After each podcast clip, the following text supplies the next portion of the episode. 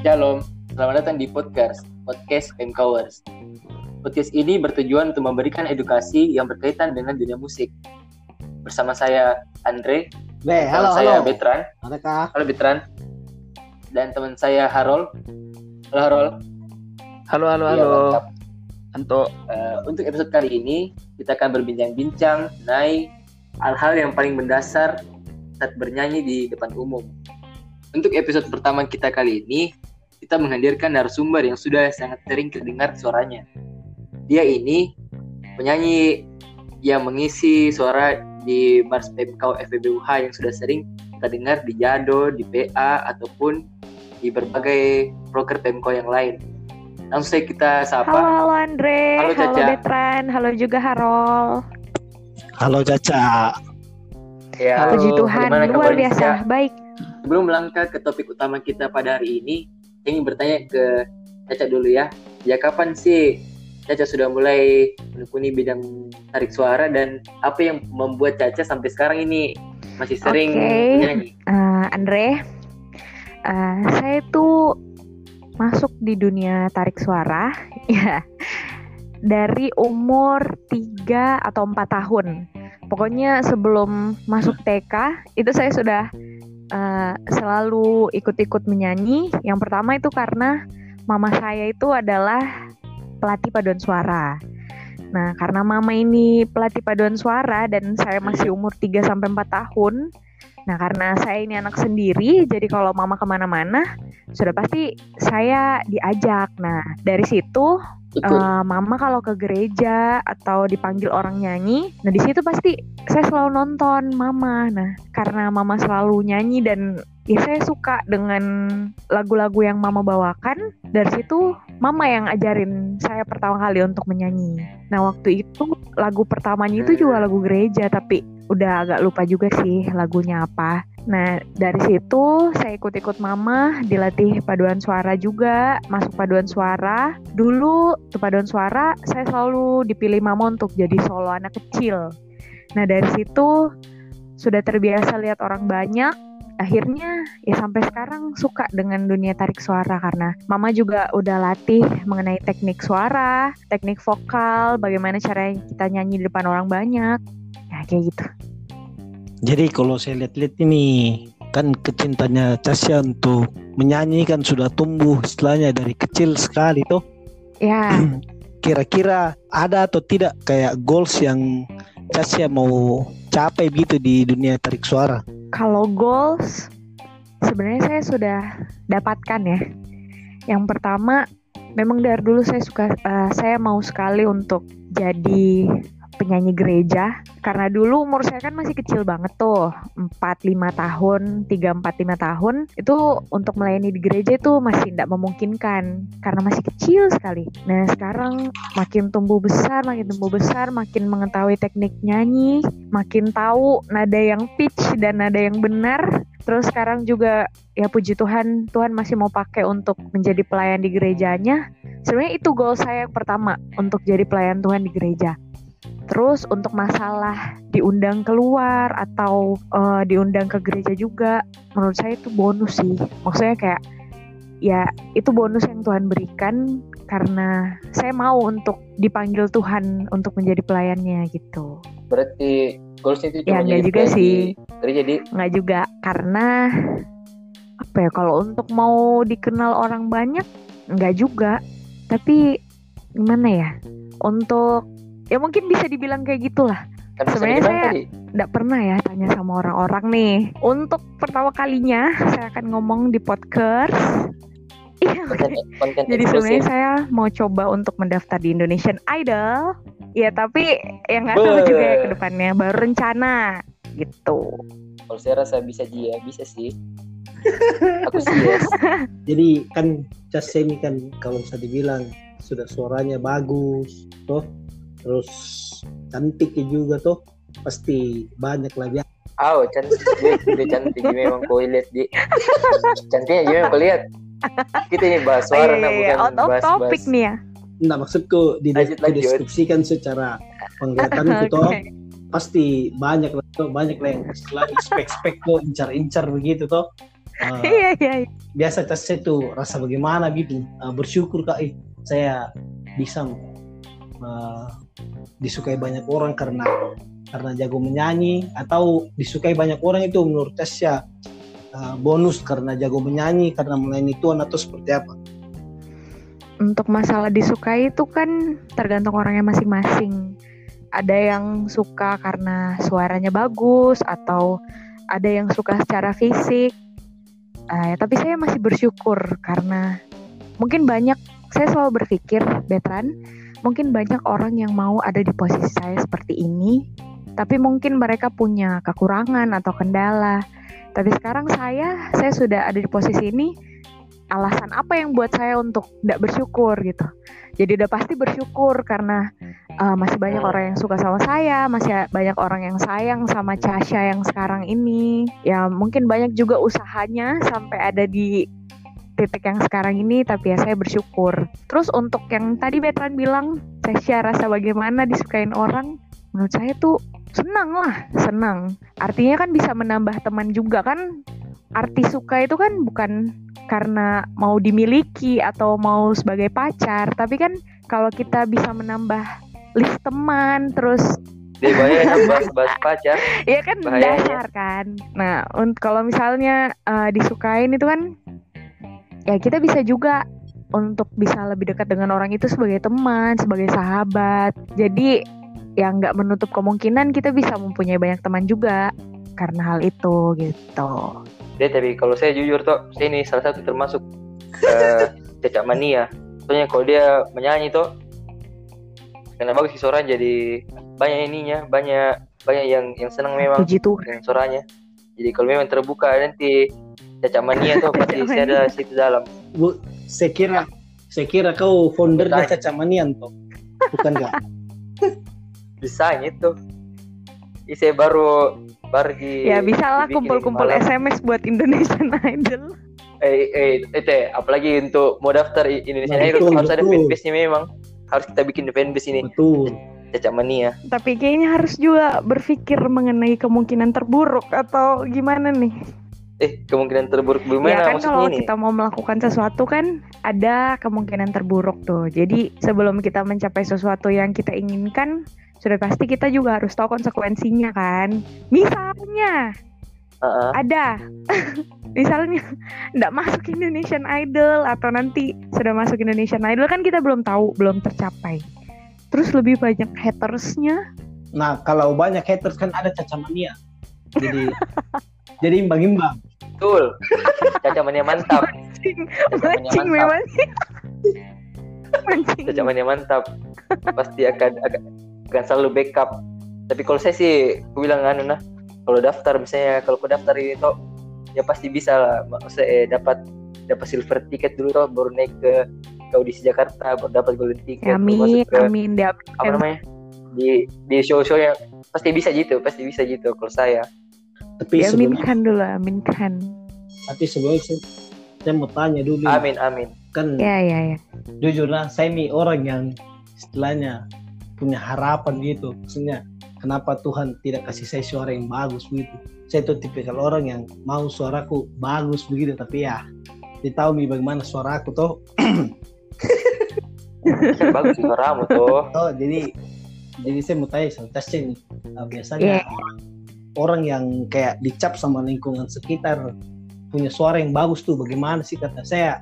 Kadang saya kalau pemikiranku pasti biasa misalnya ada apa-apa misalnya ada acara di sekolah atau apa pasti eh nyanyi dong nyanyi dong kayak gitu tuh bagaimana begitu perasaannya? Bangga kah? Senang kah? Atau lama-lama kayak ganas juga begitu atau bagaimana? Enggak, enggak lah, enggak. Ya senang, senang, bersyukur, bersyukur sekali. Tuhan bisa pakai saya terus untuk eh, di gereja ataupun di lingkungan itu senang, bersyukur, bersyukur sekali. Apalagi nih veteran. kok saya lihat ini veteran tuh dia kayaknya mau mau daftar juga anu ini Indonesian Idol tuh sebagai penantang. Tenang veteran saya se- eh masuk ya juga ini.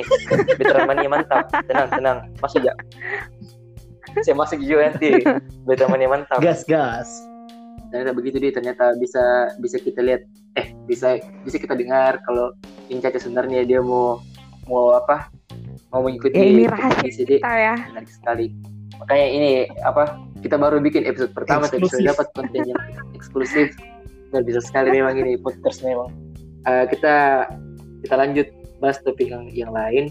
Terkadang saat saat bernyanyi itu apalagi di di depan banyak orang tuh misalnya kayak paduan suara kah atau duet atau grup tuh pasti kita kalau kalau naik panggung tuh pasti kita kita mengalami yang namanya demam panggung. Misalnya kayak, kayak kita lupa lirik atau kita kayak kayak gemetar-gemetar atau kayak tiba-tiba suara kita kita fals tuh nah kalau dari pengalamannya ini Caca tuh yang yang gimana sering mi tampil-tampil. Bagaimana itu pengalamanmu tuh? Maksudnya kayak ya pernah aku rasa kayak demam panggung ke pertama pertama atau gimana? Hmm, oke oke. Kalau pertama kali dulu waktu kecil ya sudah pasti anak kecil kan belum tahu apa-apa. Jadi masalah demam panggung tuh belum ada, tapi itu semua dimulai saat mama saya meninggal. Nah, jadi mama saya tuh meninggal pada saat saya tuh kelas 1 SD. Itu umur 6 atau 7 tahun.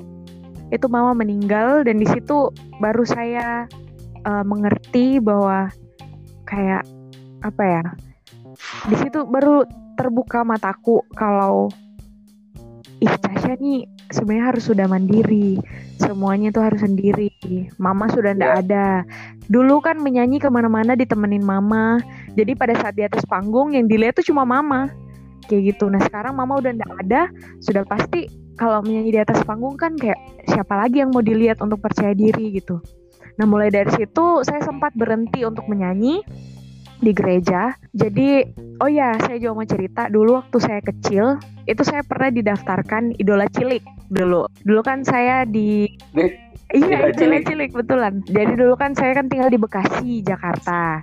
Nah, dulu tuh eh, saya tinggal di eh, keluarga saya di ya orang-orang tua lah, oma-oma, om-om. Nah, karena mereka tahu ah, Eh, ya puji Tuhan mereka tahu bakat saya.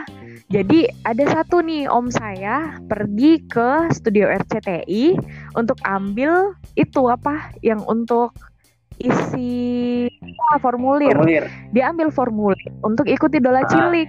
Nah di situ kebetulan pas mama baru meninggal.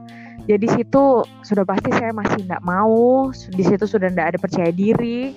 Jadi eh, di situ saya sudah berhenti untuk menyanyi di gereja. Nah pada saat eh, kelas 6 SD apa kelas 5 SD, nah di situ kan pindah ke Makassar. Nah pada saat ke Makassar sini itu baru pindah sudah mulai aktif lagi di gereja, sudah lihat-lihat orang nyanyi, di situ juga termotivasi untuk melayani. Akhirnya saya mulai lagi pelayanan di gereja pada saat SMP.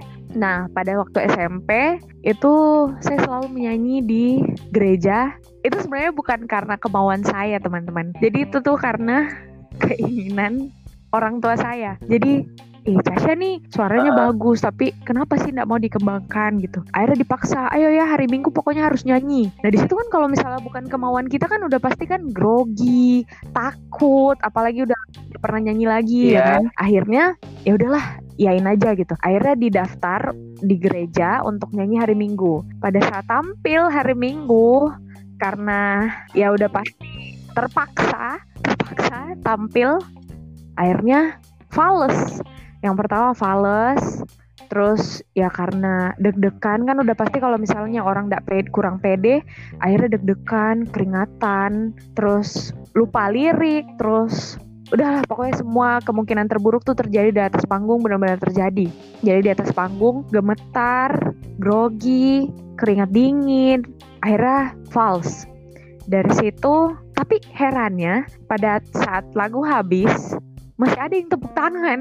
Dan dari situ saya berpikir kayak ternyata ya nggak seburuk itu juga lah kalau misalnya kita tampil lagi di depan orang banyak gitu akhirnya dari situ ya mulailah aktif-aktif di uh, gereja. Jadi pada saat selesai CD kelas 2 SMA dari situ saya mulai dipakai untuk pelayanan di gereja. Nah pada saat pelayanan di gereja di situ kan saya jadi singer.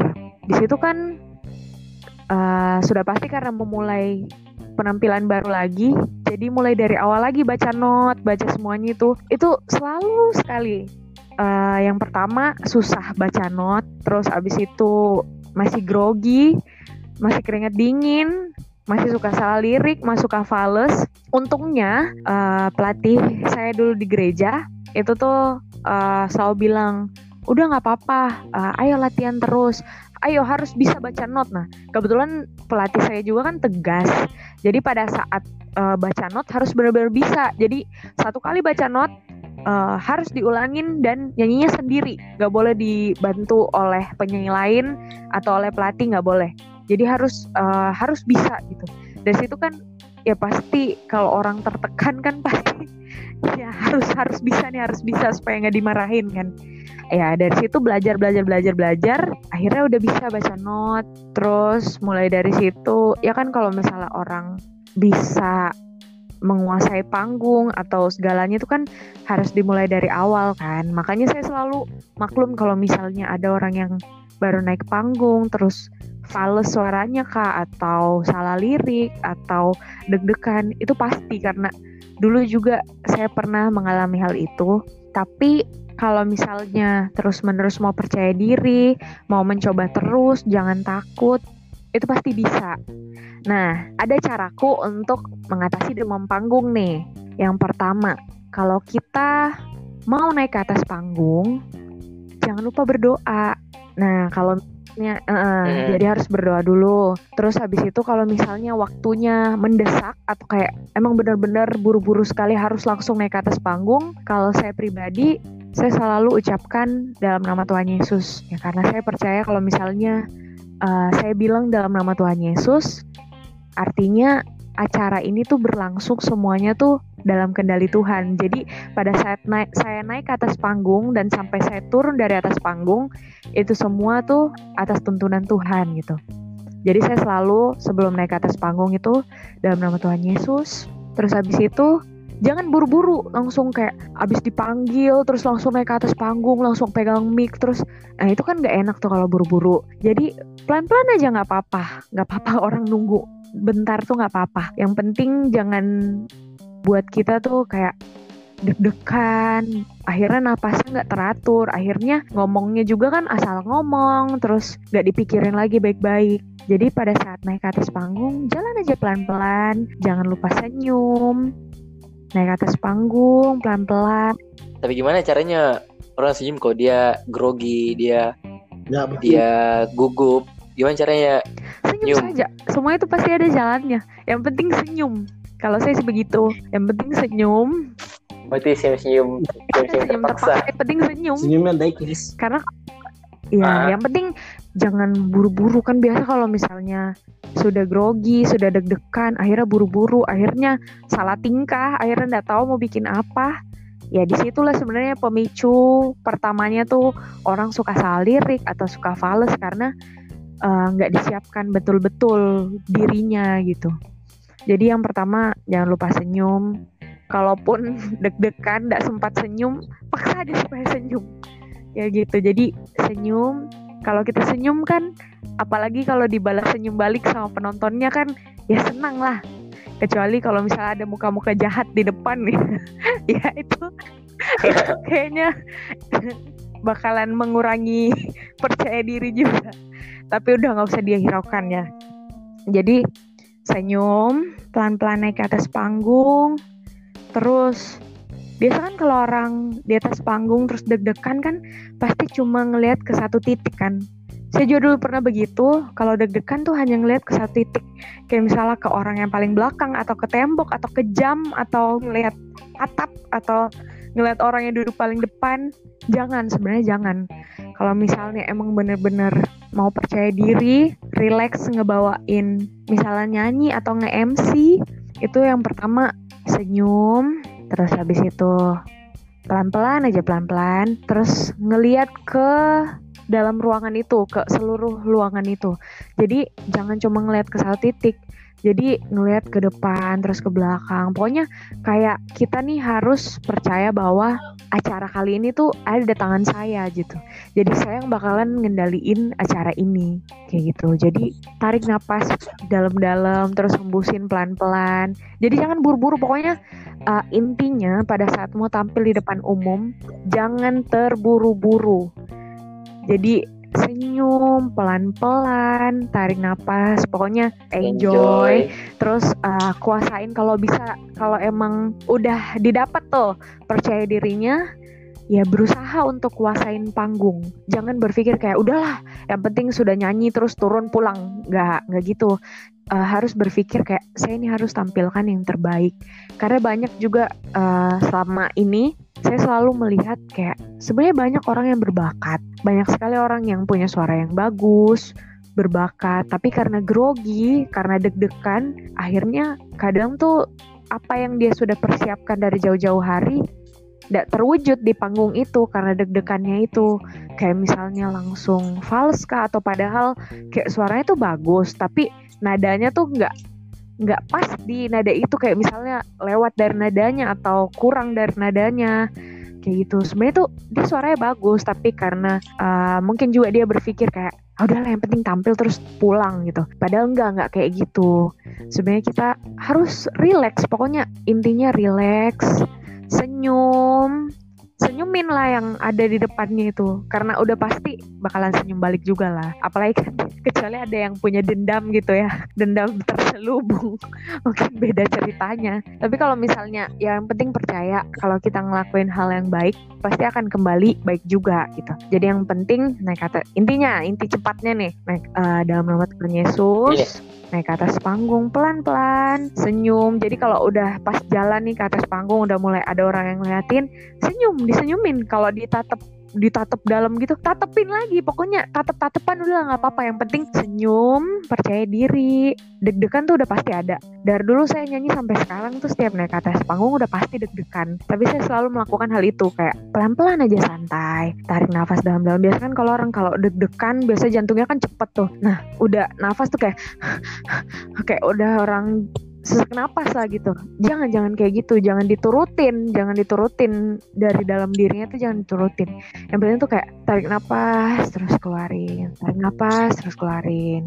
Pelan pelan aja pelan pelan senyum uh, lihat satu ruangan. Jadi lihat dari ujung kiri ke ujung kanan dari ujung kanan ke ujung kiri. Tarik napas dalam dalam pokoknya lihat satu ruangan. Jangan cuma ngelihat ke satu titik jadi lihat satu ruangan terus habis itu bilang ke dirinya kalau saya pasti bisa saya harus tampilkan yang terbaik gitu udah berarti yang pertama tadi berdoa berdoa ya. dulu terus senyum terus tarik nafas terus lihat satu ruangan ini ya begini ya.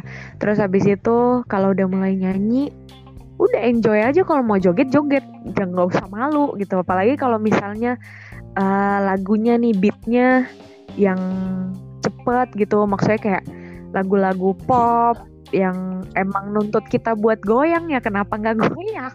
Eh joget aja gitu. Jadi kalau misalnya iya. kita kaku malah jatuhnya tuh kayak nggak dinikmatin lagunya. Betul gitu. betul betul. Apa pun itu mau lagu rohani lagu uh, lagu pop lagu pop terkenal terkenal itu kan lihat aja penyanyi penyanyi kalau misalnya mau didalemin kalau misalnya penyanyi terkenal kayak uh, misalnya uh, Rizky Febian kak atau yang sekarang lagi terkenal uh -huh. siapa Tiara Liodra ya mereka kan kayak yeah. kan ya ikut gestur tubuhnya tuh kayak ngikutin beat lagunya nah kalau misalnya kita udah goyang udah relax kan artinya kalau kita bisa goyang kan artinya kan udah relax kan dinikmati lagunya lebih enak dibawakannya gitu gitu. Tapi ini asalkan jangan lagunya Rizky Febian larinya Michael Jackson kan. Iya. Ya kita tambahin eh itu kan udah udah beda. Tapi tunggu. Mana ada gue tapi tunggu dulu. Saya tadi mengutip dari yang saya bilang tuh saya agak sepakat juga karena ini biasa sering terjadi sama orang gitu. Kalau dipanggil tuh biasa orang buru-buru, langsung buru-buru kayak ada ditakuti begitu toh. Misalnya Iya. dipanggil langsung kayak mau tinggalkan semuanya supaya bisa naik ke atas panggung toh. Saya Iya. tadi sepakat yang saya bilang misalnya kalau dipanggil ah, pelan-pelan saja enggak apa-apa penonton menunggu toh asalkan. Iya, enggak apa-apa. ya betul toh. Jadi untuk teman-teman yang dengar toh jadi kalau dipanggil itu enggak apa-apa. Penonton men- menunggu sedikit untuk teman-teman jalan senyum persiapkan diri. Tapi jangan dipanggil teman-teman masih makan coto. Beda. Contohnya. betul. Jangan sampai teman-teman masih makan coto masih minum masih make up kan. Kan la- lama ini pas ditunggu Betul. Jangan-jangan ini, ini Betan sudah sudah pengalaman sekali nih tampil-tampil di panggung-panggung di Iya. ngisi acara, nyanyi-menyanyi. Jadi kayaknya dia Karena sudah kan ini kalau kalian ya aku dengar ini ih, kayak sudah pengalaman sekali ini Betan ini kayak kayak sudah Bisa banyak sekali itu. pengalamannya. pengalamannya makan coto terus dipanggil menyanyi. ya intinya begitu. Jadi jangan terburu-buru karena justru kalau buru-buru itu malah bikin lupa segalanya, lupa lirik, nadanya nggak nggak sinkron dengan pemain musiknya. Pokoknya, aduh kalau buru-buru itu semuanya bakalan salah-salah, gemeter juga kalau di atas panggung. Akhirnya musiknya udah nyala duluan, otomatis kita harus langsung siap, langsung nyanyi. Serius, percaya sama saya 100% nggak bakalan sempurna kalau kayak gitu.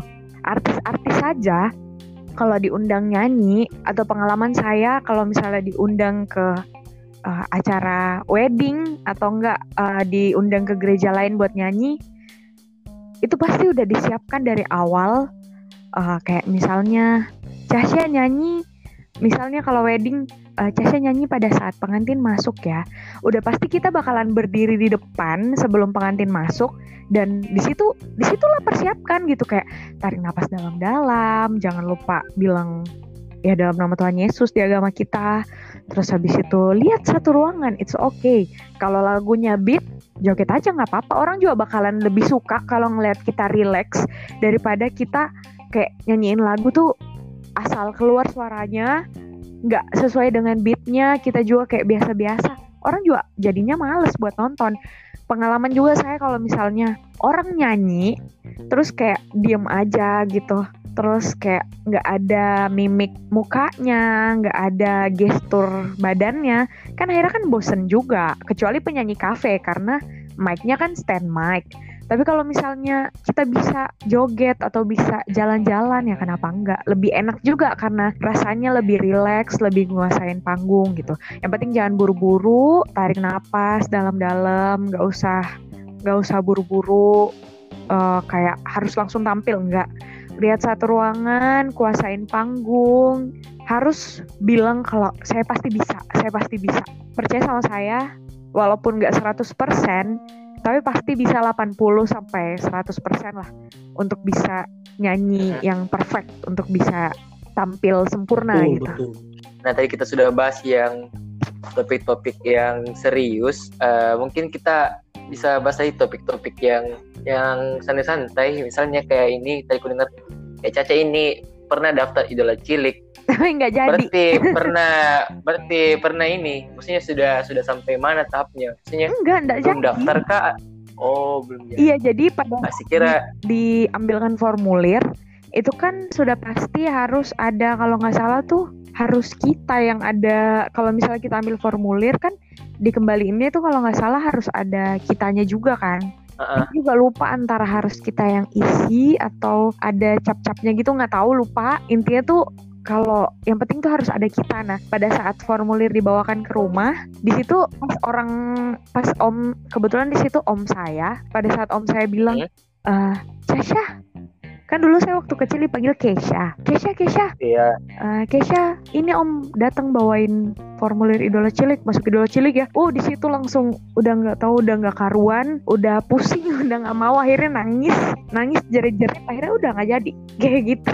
Oh saya kira ini sudah sudah sampai masuk tahap eh, lima besar, tiga besar. Oh enggak, nggak Saya jadi. kira ini, saya kira Caca Mania mantap sudah ada dari Itulah cilik.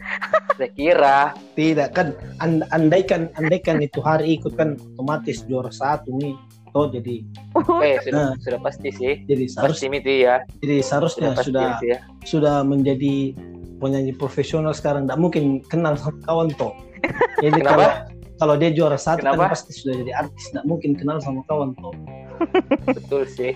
Cuma kan saya ini sebagai eh, founder Caca Mania Mantap. Betul, jadi kenal? betul. Oke. Nah itu tadi, itu tadi mungkin pengalaman dari ininya dari ya mungkin sampai SMP. Nah kalau untuk di akhir-akhir ini maksudnya di ranah PSM pernah tidak rasa kayak pernah demam panggung atau atau adakah kejadian-kejadian yang yang lucu begitu? Iya, pernah, pernah. Pernah. Pernah kejadian Coba- coba cerita. lucu yang mungkin saya juga nggak bisa lupa. Jadi, ini kita mau lomba. Kebetulan waktu itu lomba internasional W WVCF Ya, World Virtual Choir Festival. Nah di situ kan eh, ini karena corona, jadi kita kan nggak keluar negeri. Jadi di situ eh, kita rekamannya rekaman di rektorat.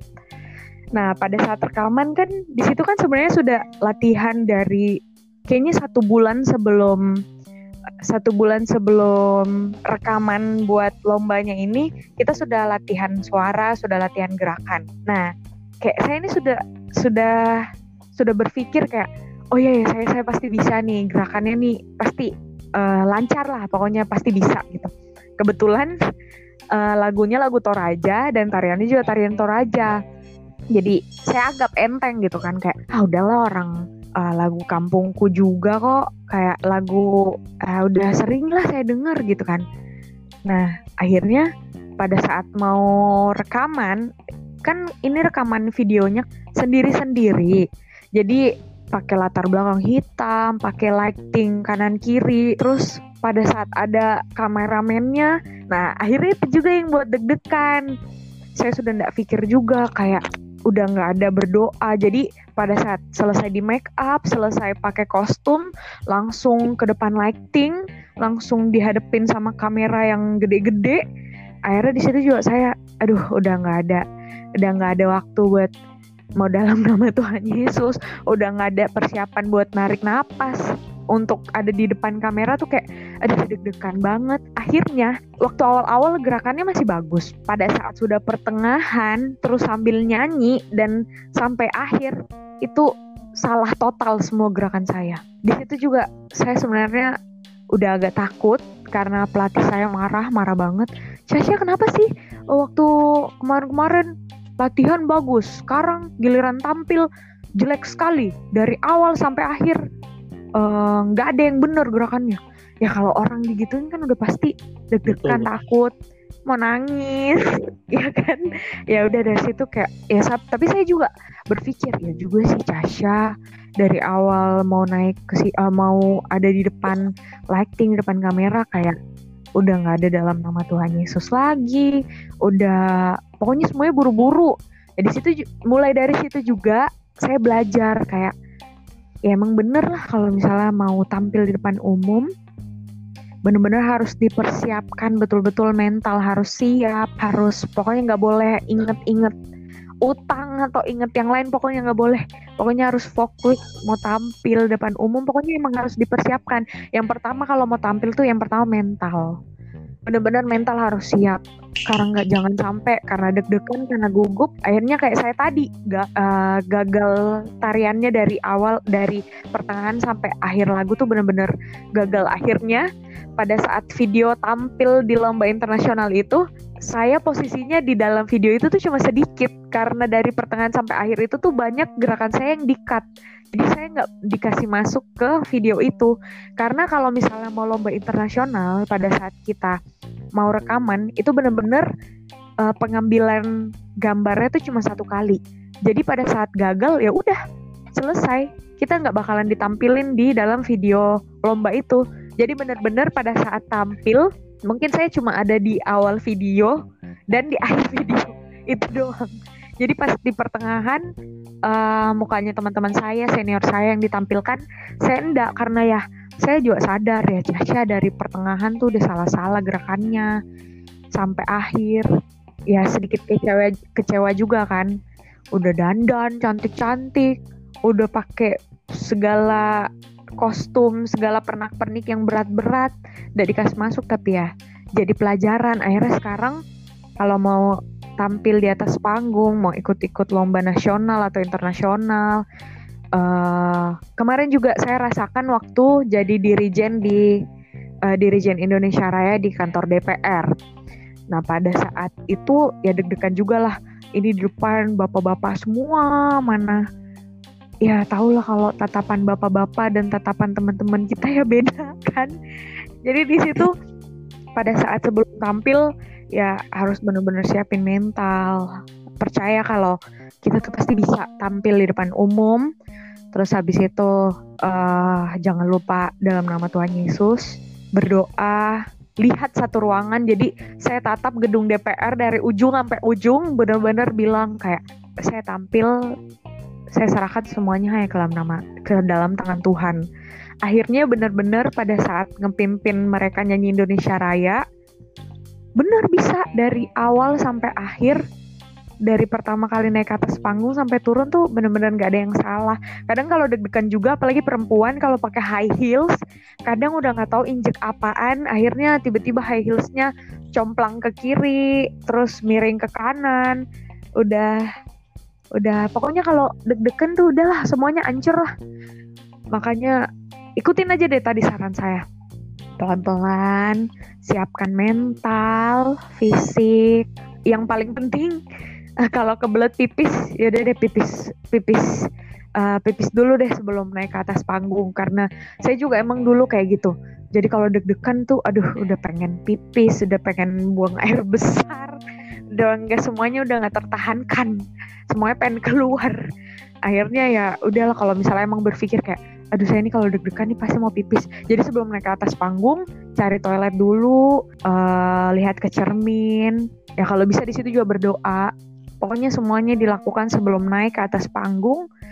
Jadi pada saat udah di atas panggung udah bener-bener semuanya tuh diserahkan dalam nama Tuhan gitu.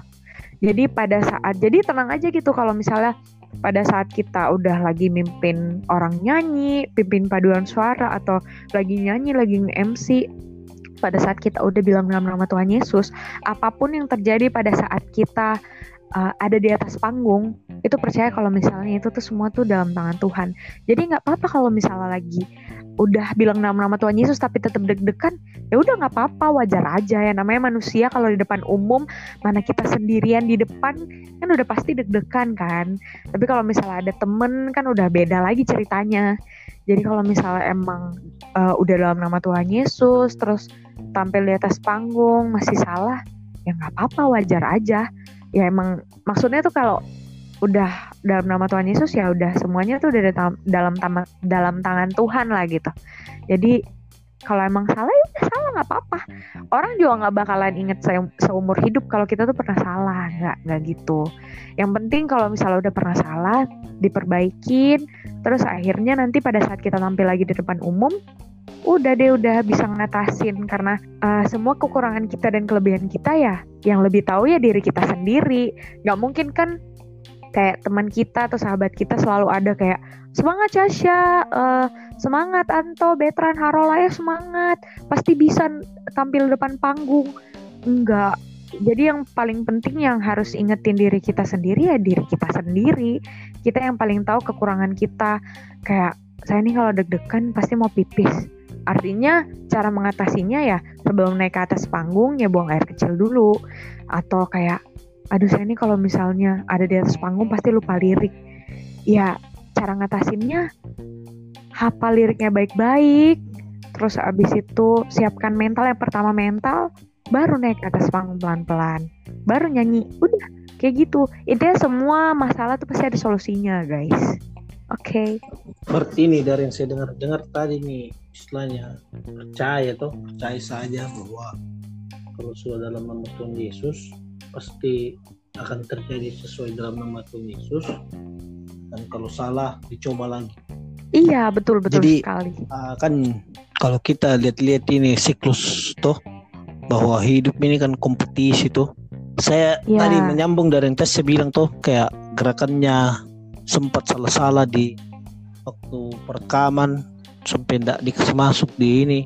Eh, kira-kira Cesya pernahkah tidak merasa kayak eh, kayak kalah saing begitu dengan seniornya atau temannya begitu atau di mana pun itu misalnya kayak ih dia lebih bagus dia lebih dia lebih lebih dari saya kayaknya dia lebih cocok deh. Misalnya bagaimana caranya sebagai seorang pelayan atau penyanyi begitu untuk eh, hal-hal seperti itu tuh eh, bisa jauh-jauh dari kita. Maksudnya kita berpikir bahwa ah saya eh, dia punya kelebihannya sendiri saya punya kelebihanku sendiri kalau memang dia lebih baik pasti saya juga bisa kayak dia begitu Hmm, Oke, veteran. Jujur, saya nggak pernah. kalau dari pengalaman saya, saya nggak pernah lihat kayak, ih dia lebih bagus dari saya. Terus akhirnya dia terus yang dipakai nyanyi, dipanggil ke mana-mana. Jujur saya nggak pernah kayak gitu. Jujur kalau saya lihat orang, justru saya bilang kayak, ih dia suaranya bagus sekali. Gimana ya saya bisa dapat suara kayak gitu? Nah dari situ saya pasti kalau pulang tuh pasti saya selalu nyanyi sampai kadang kan saya tinggal sama nenek saya. Kadang nenek saya tuh kayak cocok, jangan teriak-teriak gitu. Padahal di situ saya lagi latihan kayak kayak jujur kayak misalnya saya lihat Leodra. Leodra suaranya bisa setinggi itu gimana caranya? Semua orang pasti kalau bisa kalau latihan dan bisa ngikutin tekniknya Leodra, saya percaya pasti semua orang juga pasti bisa nyanyi kayak Leodra. Nah, masalahnya di sini tekniknya Leodra itu pasti nggak semua orang tahu dan nggak semua orang bisa ngeluarin teknik kayak Leodra. Nah dari situ saya selalu berpikir kalau segala sesuatu yang kita keluarin itu pasti ada penyebabnya. Kayak Leodra suaranya bisa sebagus itu, pasti ada teknik di belakangnya. Jadi saya kalau pulang kalau denger orang suaranya Ih, bisa senyaring itu, bisa setinggi itu suaranya. Pulang saya selalu nggak apa-apa teriak-teriak aja dalam rumah. Kalau saya sih kayak gitu latihanku itu mau di kamar mandi, mau di eh, sebelum ibadah mulai, atau di dalam rumah, dalam kamar. Jujur saya kalau latihan bener-bener teriak-teriak, jadi kayak udah nggak apa-apa, suara saya habis. Yang penting sudah mencoba bagaimana tekniknya kayak dia. Dan akhirnya saya bisa kayak gitu. Jadi segala sesuatu itu harus dicoba dulu, baru kita ngeluh kayak ih dia bisa, saya nggak bisa. Ya udahlah biarin aja dia yang dipakai atau kayak ih kenapa sih saya nggak pernah mau dipakai? Kenapa harus dia terus? Padahal saya lebih baik dari dia. Kayak gitu. Padahal kita tuh sebenarnya bisa teman-teman. Yang penting kita tuh mau mencoba mau belajar gitu.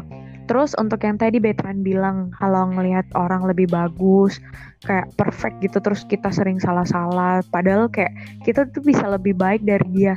Sebenarnya tuh betul kayak gimana ya? Saya tuh nggak pernah lihat orang kayak ih dia lebih bagus dari saya.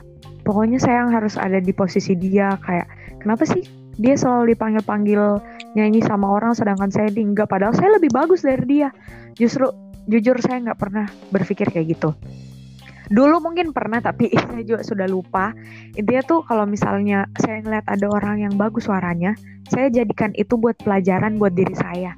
Kalau dia bisa suaranya setinggi itu, kenapa saya nggak bisa gitu makanya yang tadi saya bilang pada saat saya dengar suaranya orang tinggi suaranya orang bagus pulang saya selalu mau coba. Nggak apa-apa teriak-teriak yang penting cari kan itu kan segala sesuatu harus dicari.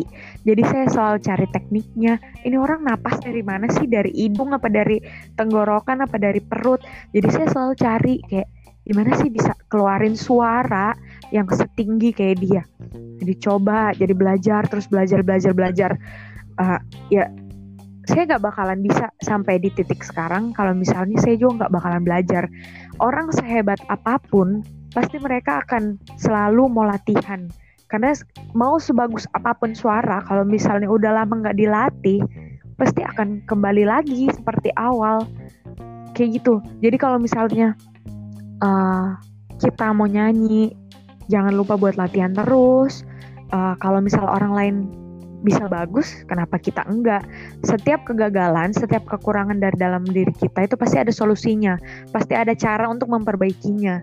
Nah dari situ belajar aja terus, nggak apa-apa kan mencoba sesuatu. Kalau saya prinsipnya gini, saya harus uh, bisa suara saya setinggi dia atau saya bis, harus bisa kayak dia kalau dia bisa kenapa saya nggak bisa kayak gitu jadi kita harus selalu mau belajar jangan irian terus nanti kalau misalnya udah bisa juga jangan sombong karena setiap orang tuh punya berkatnya masing-masing.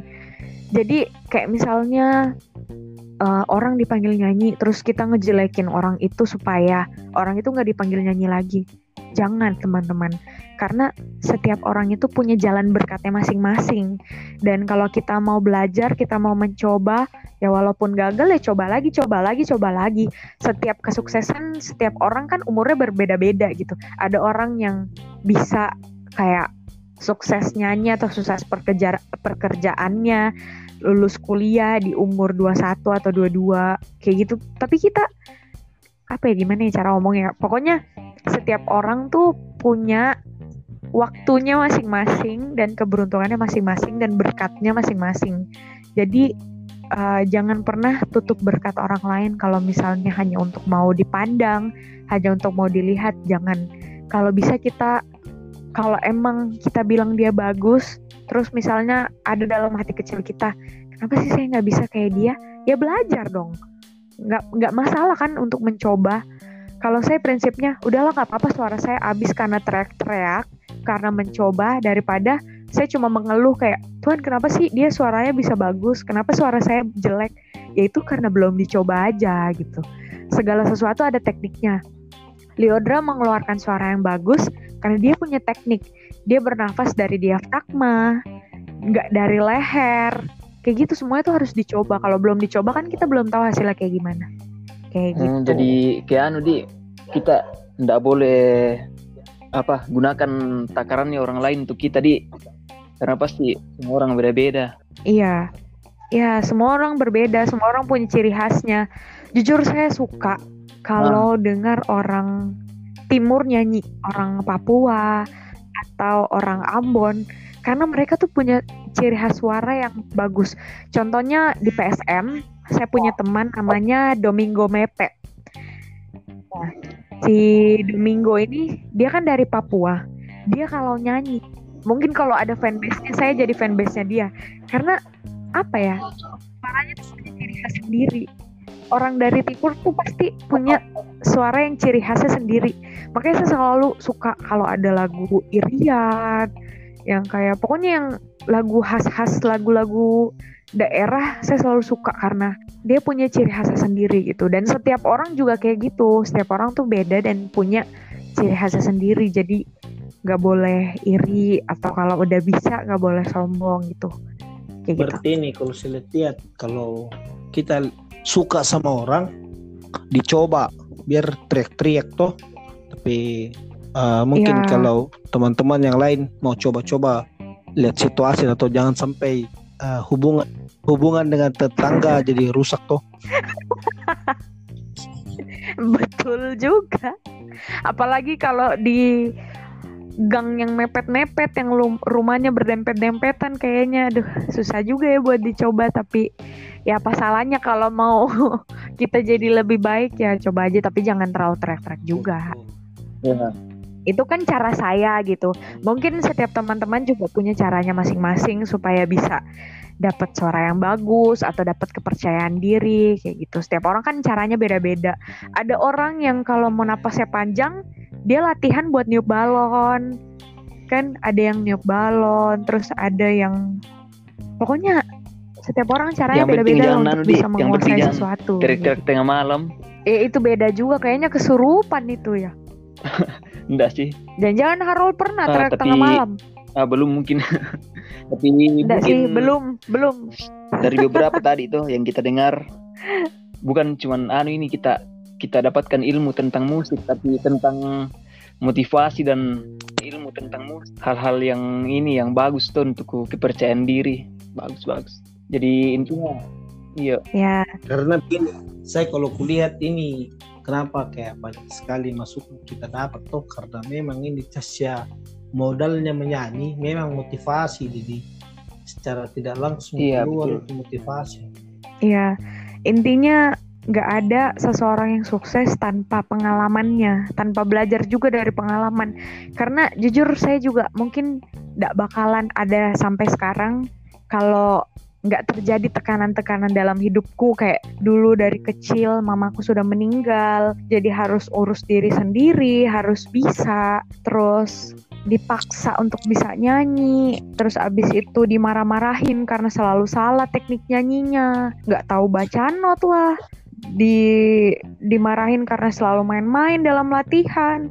Terus uh, karena selalu salah-salah dalam membawakan sesuatu itu semua tuh sebenarnya tuh yang jadi acuan supaya saya tuh bisa ada di tempat sekarang. Karena yang pasti semuanya proses kan butuh waktu. Gak ada orang yang bisa ke puncak kalau nggak ngelewatin ranting-ranting kecil atau jalanan-jalanan yang berliku-liku kayak gitu. Jadi ya saya juga percaya kayak orang-orang uh, banyak orang-orang yang bilang katanya segala sesuatu tuh ada prosesnya. Ya emang betul, betul sekali kalau misalnya kesuksesan tuh pasti semua ada rintangannya, ada rintangan tersendiri untuk mencapai kesuksesan masing-masing. Makanya saya bilang setiap orang tuh waktunya berbeda-beda, kesuksesan setiap orang juga berbeda. Ada yang sukses dalam bidang ya pokoknya berbagai-berbagai bidang tuh intinya tuh harus selalu percaya bahwa Tuhan selalu menyertai hidup kita gitu. Dulu jujur dulu juga saya selalu mengeluh kayak kenapa sih uh, orang lain teman-teman yang lain bisa punya orang tua yang utuh tapi kenapa sih saya masih kecil mama udah diambil sama Tuhan gitu terus sampai sekarang saya juga nggak tinggal sama orang tua. Bener-bener dari kecil saya menghadapi hidup saya sendirian. Tapi nggak tahu kenapa malah saya yang seperti ini yang bener-bener saya merasa terberkati sekali. Karena Tuhan selalu mau pakai saya untuk pelayanan. Bukan cuma di gereja tapi sampai dipanggil keluar. Bisa ikut PSM bisa ikut lomba internasional itu nggak pernah ada di benak saya dari kecil itu nggak pernah ada pikiran kayak gitu. Jujur nggak pernah ada saya mau berpikiran kayak saya bakalan ada di sampai titik ini tuh nggak ada. Dan saya makanya kalau misalnya dipikir-pikir kembali kayak Tuhan Yesus tuh luar biasa juga ya. Saya nggak punya mama saya nggak tinggal sama papa nggak sama orang tua. Tapi hidup saya tuh betul-betul diberkati bener-bener kayak udah ditunjukin aja gitu jalannya kayak Casya nanti pada umur uh, 6 tahun umur kelas 6 SD bakalan dipindahkan ke Makassar. Nanti di Makassar bakalan dikembangkan bakatnya kayak setiap orang tuh nggak pernah tahu masa depan. Makanya intinya tuh serahin aja semua hidup kita ke dalam tangan Tuhan karena segala sesuatu yang kita keluhkan sekarang sudah pasti Tuhan punya solusinya buat di masa depan nanti. Kayak kalau gitu. katanya orang di, kalau katanya orang pelaut yang handal tidak lahir dari laut yang tenang. Asik. Asik. Betul. Iya, betul sekali. Justru kan lebih handal pelaut yang ya. bawa kapalnya di ombak yang kencang di benar-benar laut yang uh, pokoknya terombang ambing. Justru itu kan yang bakalan lebih jago. Contohnya aja pembawa truk pembawa truk di kota pasti dikala jago dengan iya. pembawa yeah. truk yang dari kota ke kampung yang jalanannya gunung-gunung. Pasti uh, yang bawa ke kampung itu yang lebih jago. Karena jalanannya tuh udah pasti ini kalau misalnya truk yang dari kampung itu ke kota pasti dia udah yeah. bener-bener kuasai jalan doang. Karena kan lurus-lurus banget ya kalau di kota. Kayak gitu ya ya sama aja lah kayak gitu. Ini intinya pelaut yang handal lahir di lautan yang ombaknya deras. Asalkan kapalnya ya, tidak tenggelam itu lebih penting asalkan kapal mahal. Ya, kalau asalkan kapal mahal. Lautnya karena kalau kapalnya tenggelam mungkin dia tidak mungkin dia, dia hebat karena kalau tenggelam ya pasti mati. Iyalah. Jadi itu uh, yang penting jangan menyerah di. Karena kalau misalnya Caca sendiri yang apalagi seorang perempuan bisa uh, menjalani rintangan yang sekeras itu pasti kita kita juga bisa lah. Ya kak ada lagunya itu bisa lah. Bisa lah. Lagu tes bisa bisa, bisa di tes ya lagu yang mana tuh? Okay, lagu okay. yang mana tuh? Coba nggak tahu refnya, tadi refnya, apa judul. Oke. Okay. ku tak akan menyerah pada apa pun juga Sebelum ku coba semua yang ku bisa Tetapi ku berserah kepada kehendakmu. Hatiku percaya Tuhan punya Oh, rencana sekali. Kayak kayak bener-bener Caca mania. Mantap. ma- mahal ini Mantap. harusnya Caca, harusnya ada tiket tiket masuknya ini. Kalau aku, kalau- kalau aku sih yes. kayak podcast nih podcast Ya, saya rasa sudah banyak cerita, sudah banyak motivasi yang kita dengar dari seorang Caca. Eh, saya rasa juga yang sangat termotivasi dari obrolan kita ini sudah pasti saudara veteran ya, karena karena kita membahas gimana orang saat di atas panggung, gimana cara cara pembawaan. Kayaknya ini veteran memang dia sudah ini sudah sudah ada memang niatnya untuk jadi Sudah rancangan-rancangan di penyanyi profesional toh. Tunggu saja, Sudah iya di- tunggu saja debutku. sudah merancang Betul, ini siap-siap. Kalau kalau untuk temannya sendiri biasanya Iya. gratis dulu tuh. Harga teman tuh harga teman dulu kalau untuk temannya tuh. ya intinya berkat tuh selalu ada lah. Nah saya rasa juga eh, obrolan kita ini sudah sangat panjang. iya. Mungkin eh, untuk menutup saya mungkin berterima kasih untuk Caca dulu toh karena sudah bisa sharing-sharing pengalaman bisa bisa memberikan Ah, motivasi ya, santai santai. untuk untuk teman-teman yang mendengar obrolan kita ini. Dan eh, kepada teman-teman yang mendengar eh, podcast ini jangan lupa untuk untuk mendengarkan episode-episode selanjutnya. Ditunggu ya episode-episode selanjutnya karena kita pastinya akan menghadirkan narasumber-narasumber yang sangat berkompeten seperti Caca ini dan akan memberikan tips dan trik mengenai dunia musik. Sekian obrolan kita. Sampai jumpa di episode berikutnya. Bye.